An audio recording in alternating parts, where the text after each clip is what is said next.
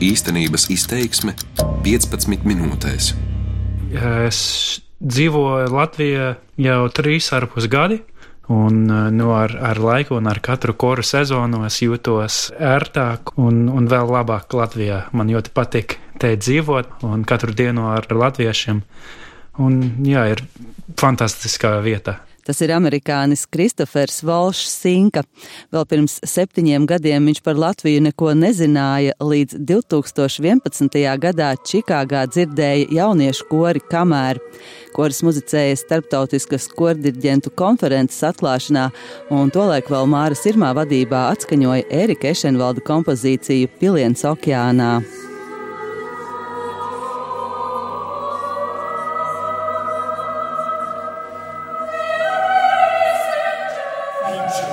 Es domāju, tas ir burvīgākais koris pasaulē. Tieši sajūsma par kora kamēr skanējumu Kristoferā raisīja arī milzu interesi par tālo mazo valsti pāri okeānam, kur spēj dzimt tik skaista mūzika. Nu, Kristofers dzīvo Latvijā, runā latviski, ir precējies ar latvieti Māru, dzied korī Latviju un vada Rīgas projektu kori. Kristofers ir tikai viens no Latvijas koru skaņas savaldzinātajiem. Visā plašajā pasaulē mūzikas profesionāļi mūsu koru skaņu vērtē ļoti augstu, tai cenšas līdzināties, to padziļināt, izzināt un šifrēt. Tā ir patiešām unikāla Latvijas vērtība, ar kuru kormūzikas pasaulē esam vieni no līderiem un toņa noteicējiem. Paši gan savādā kārtā šo fenomenu esam ļoti maz pētījuši. Šai saistībā raidījumā īstenības izteiksme dažas versijas par to, ar ko tad īsti atšķiras Latvijas koru skaņa, kas to veidojas un kā to saglabāt un attīstīt. Raidījumu veidoja es, Baiba Kušķe.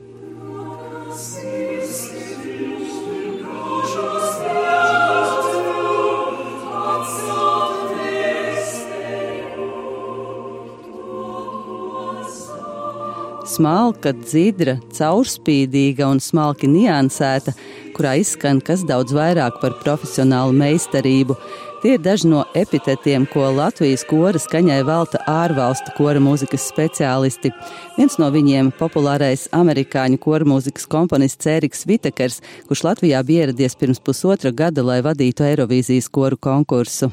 In general, Uh, Uh, the Americans tend to sing with more vibrato. It's a much warmer, bigger, richer sound in a way. And the Latvians tend to sing with this very pure, clear tone. Ir interesanti vērot, kā atšķiras koru skaņa ASV un Latvijā. Ļoti vispārinot, ASV kori dzied ar daudz lielāku vibrāto, šī skaņa ir kuplāka, bagātīgāka. Latvijas kori skan daudz dziļāka, smalkāka. Kad rakstu mūziku, es vairāk liecos šīs latviešu kora skaņas virzienā.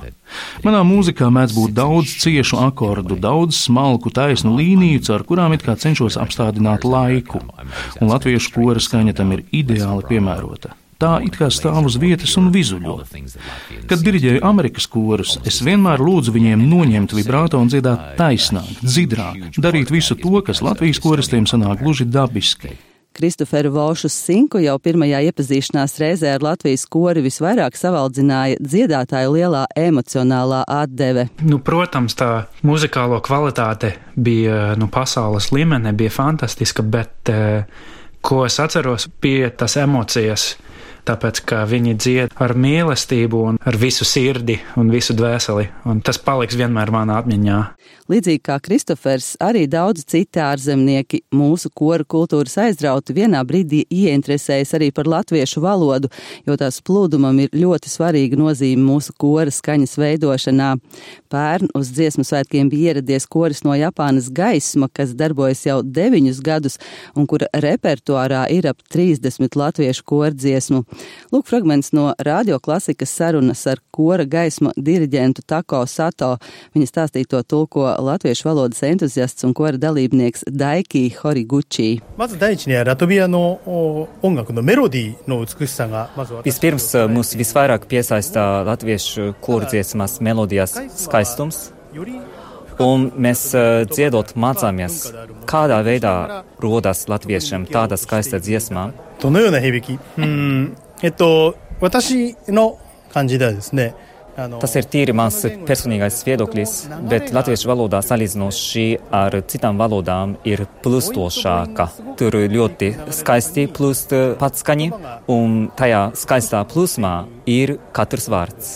Un man liekas, ka latviešu valodai nav tik lielas atšķirības dziedot tajā vai runājot tajā. Tas ir sasaistīts.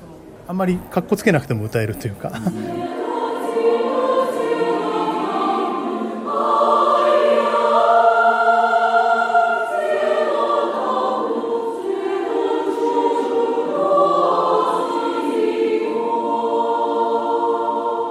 Tā skan latviešu tautas dziesma kora no Japānas gaisma atskaņojumā. Latvijas Mūzikas akadēmijā kordirģēšanu šobrīd mācās arī Japāniete Šīno Yamasaki.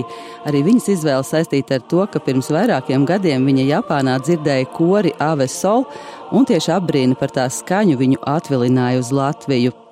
Arī viens no pasaulē zināmākajiem Latvijas komponistiem Ēriks Ešenvalds apliecina, ka tā ir unikāla vērtība, ar ko varam pamatot lepoties, vienīgi varbūt citkārt paši vēl to par maz novērtējam. Mani personīgi ir uzrunājuši gandrīz vai desmit doktora studenti no Amerikas, no Lielbritānijas. Viens pat atbrauc pie manis uz Kembridžu intervēt.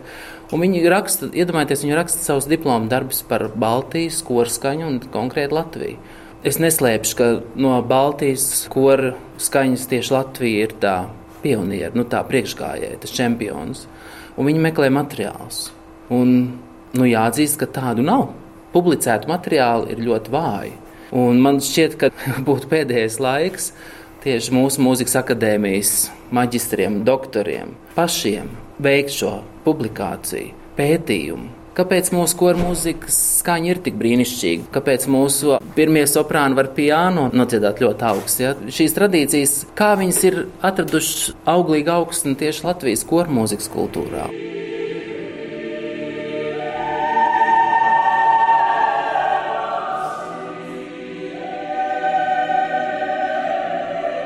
Arī izcilais diriģents Māris Sirmais atzīst, ka mūsu kormūzikas tradīciju pētniecība ir ļoti svarīga. Tā viņam būtu arī laba papildinoša bagāža, pasniedzot meistarklases un lekcijas dažādās pasaules valstīs, kur viņu regulāri aicina kā atzītu kormūzikas ekspertu. Aizvadītā gada nogalē viņš, piemēram, bija viesis žūrijā vienā no pasaulē vadošajiem koru konkursiem Spānijas pilsētā Tolosā, kā arī pasniedz meistarklases Austrijā. Viens tas ļoti neaizmirstams iespējas bija Austrijā ka tajā meistarklasē, kad stundas stāstīja par daudzām lietām, bet, protams, ka viss tas sākums bija drusku stāsts arī par to, kā vispār veidojās, kur ir tās saknes mūsu dziedāšanas tradīcijai, un ka tas patiesībā nāk jau nevis no mūsu pašu latviešu izdomājums, bet tas nāk tieši no Vācijas. Un tad tajā brīdī, kad tu parādi, piemēram, kā piemēru, nu, redziet, mums tur pirmie dziesmēki bija, ja tur bija kādi tūkstoši dziedātāji, un tagad pēdējie dziesmēki, kas izskanēja šogad, bija 17 tūkstoši, un tad mēs vienkārši parādām vienkārši video ainu. Ja. Kaut kā tas viss ir pieejams YouTube, principā, bet cilvēki jau nezina tāpat. Un, kad viņi ieraudzīja to dziesmu estrādi, tad ir viena dziļa noēlse. Vienkārši tiešām tas ir reāli, tas ir iespējams. Kad jums ir nākošie svētki, kā mēs tur varam nokļūt? Nu, sabat, tas ir galvenais jautājums. Ja? Tā kā, nu, arī, protams, dziesmu svētku fenomens un šī kustība, tā ir tāda atšķirības zīme mūsu valstī, mūsu nācijai kas patiešām ir nu, šobrīd tādiem dimanta burtiem ierakstām, ne tikai zelta burtiem, tomēr tas ir kaut kas tāds, kas nekur nenotiek. Tā. Dziesmu svētku kustībai ir ļoti svarīga loma arī mums raksturīgās koras skaņas veidošanā, tāpat kā mūsu kormūzikas ciešajai saiknei ar tautas dziesmu, kas arī ir mūsu atšķirības zīme. Būtiski mūs ietekmējusi geogrāfiskā situācija un dažādi vēsturiskie posmi, no kuriem koru skanējumā esam bagātinājušies, paņemot sev vērtīgāko un padarot par savu. Mēs diezgan labi saprotam, ko nozīmē kaut kāda precizitāte darbā Tas, man liekas, nāk no tās vācu punktualitātes. Teiksim, konkrēti runājot par mūziku, tas ir arī izpaužas mūsu vēlmē nu, sasniegt šo zināmu precizitāti, punktualitāti. Mēs pievēršam uzmanību kaut kādām ritmiskām, intuitīvām, ansambliskām skanējuma lietām, lai tas būtu pēc iespējas gludāk, precīzāk, izlīdzinātāk. Tas, kas varbūt nāk no tādas vācu skolas. Mēs tajā pašā laikā, dzīvojot blakus Igauniem un tomēr diezgan tuvu Skandināvijai, diezgan labi kaut kā arī vēsturiski apzināmies kaut kādu tādu neuzbāzību un tādu distancētību. Labi jūtam, ko nozīmē nu, šī ieturētība, spēja emocionāli neapkrūtināt otru ar savām jūtām. Un tas arī kādreiz noder. Un tad ir trešais te, kas man pat ir ļoti izteiktais virziens.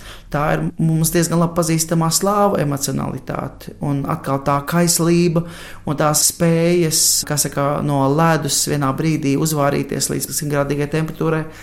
Un es domāju, ka tas viss, tas miks, viņš ir arī pietiekoši unikāls. Es domāju, tas mums gribot, negribot, atstāja ļoti spēcīgu ietekmi uz mūsu kultūru, arī uz mūsu kordziedāšanas tradīcijām.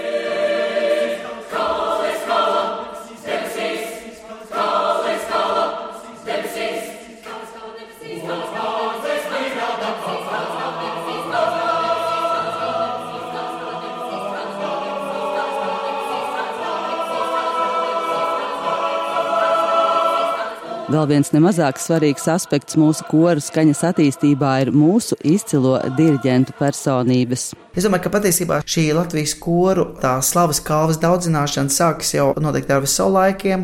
Koras dzintars noteikti bija viens no tiem spēcīgiem sieviešu koriem, kas patiešām ļoti daudz ko ietekmēja pasaulē. Un tad pēc tam vēlāk tur koris zvani un koris sakrumu un arī kaut kādā mērā Sīdnī Putndārs bija kaut kāds sava ceļa gājējs. Tad bija kameru koris versija.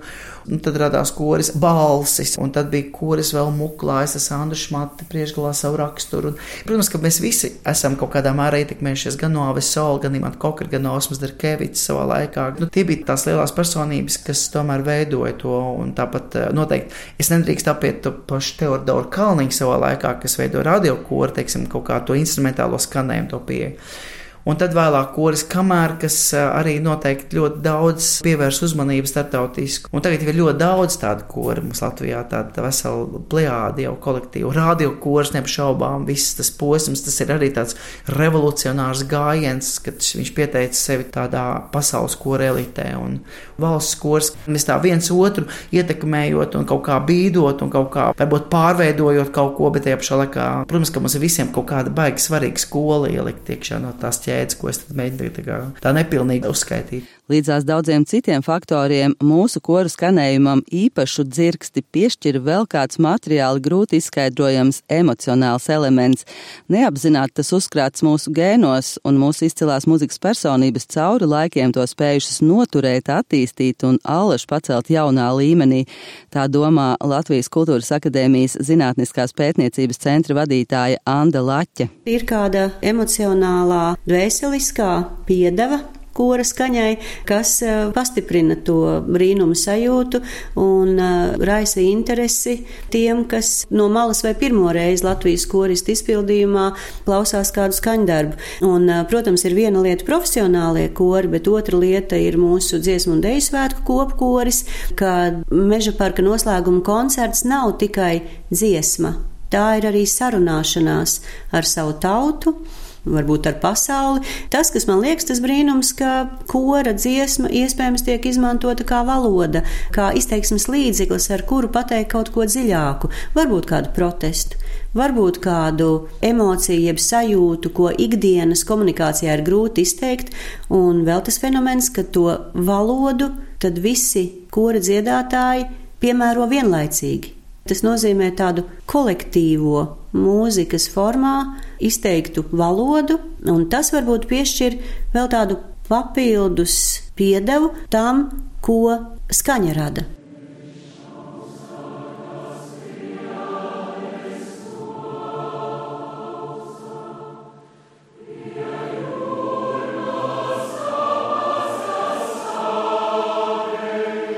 Emīla Dārziņa laustās priedes lielā kopkora un Māras Irmā izpildījumā aizvadītajos dziesmu svētkos bija viena no mūsu tautai tik svarīgās muzikālās sarunas kulminācijām.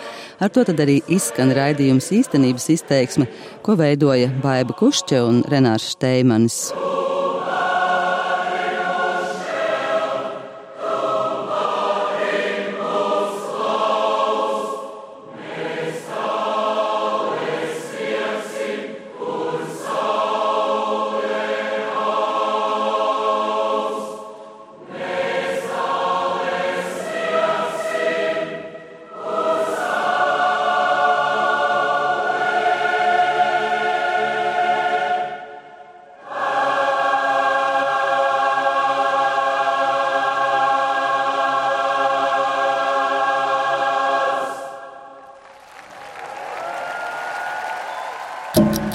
Darbības vārds īstenības izteiksmē izsaka darbību kā realitāti - tagadnē, pagātnē vai nākotnē, vai arī to noliedz.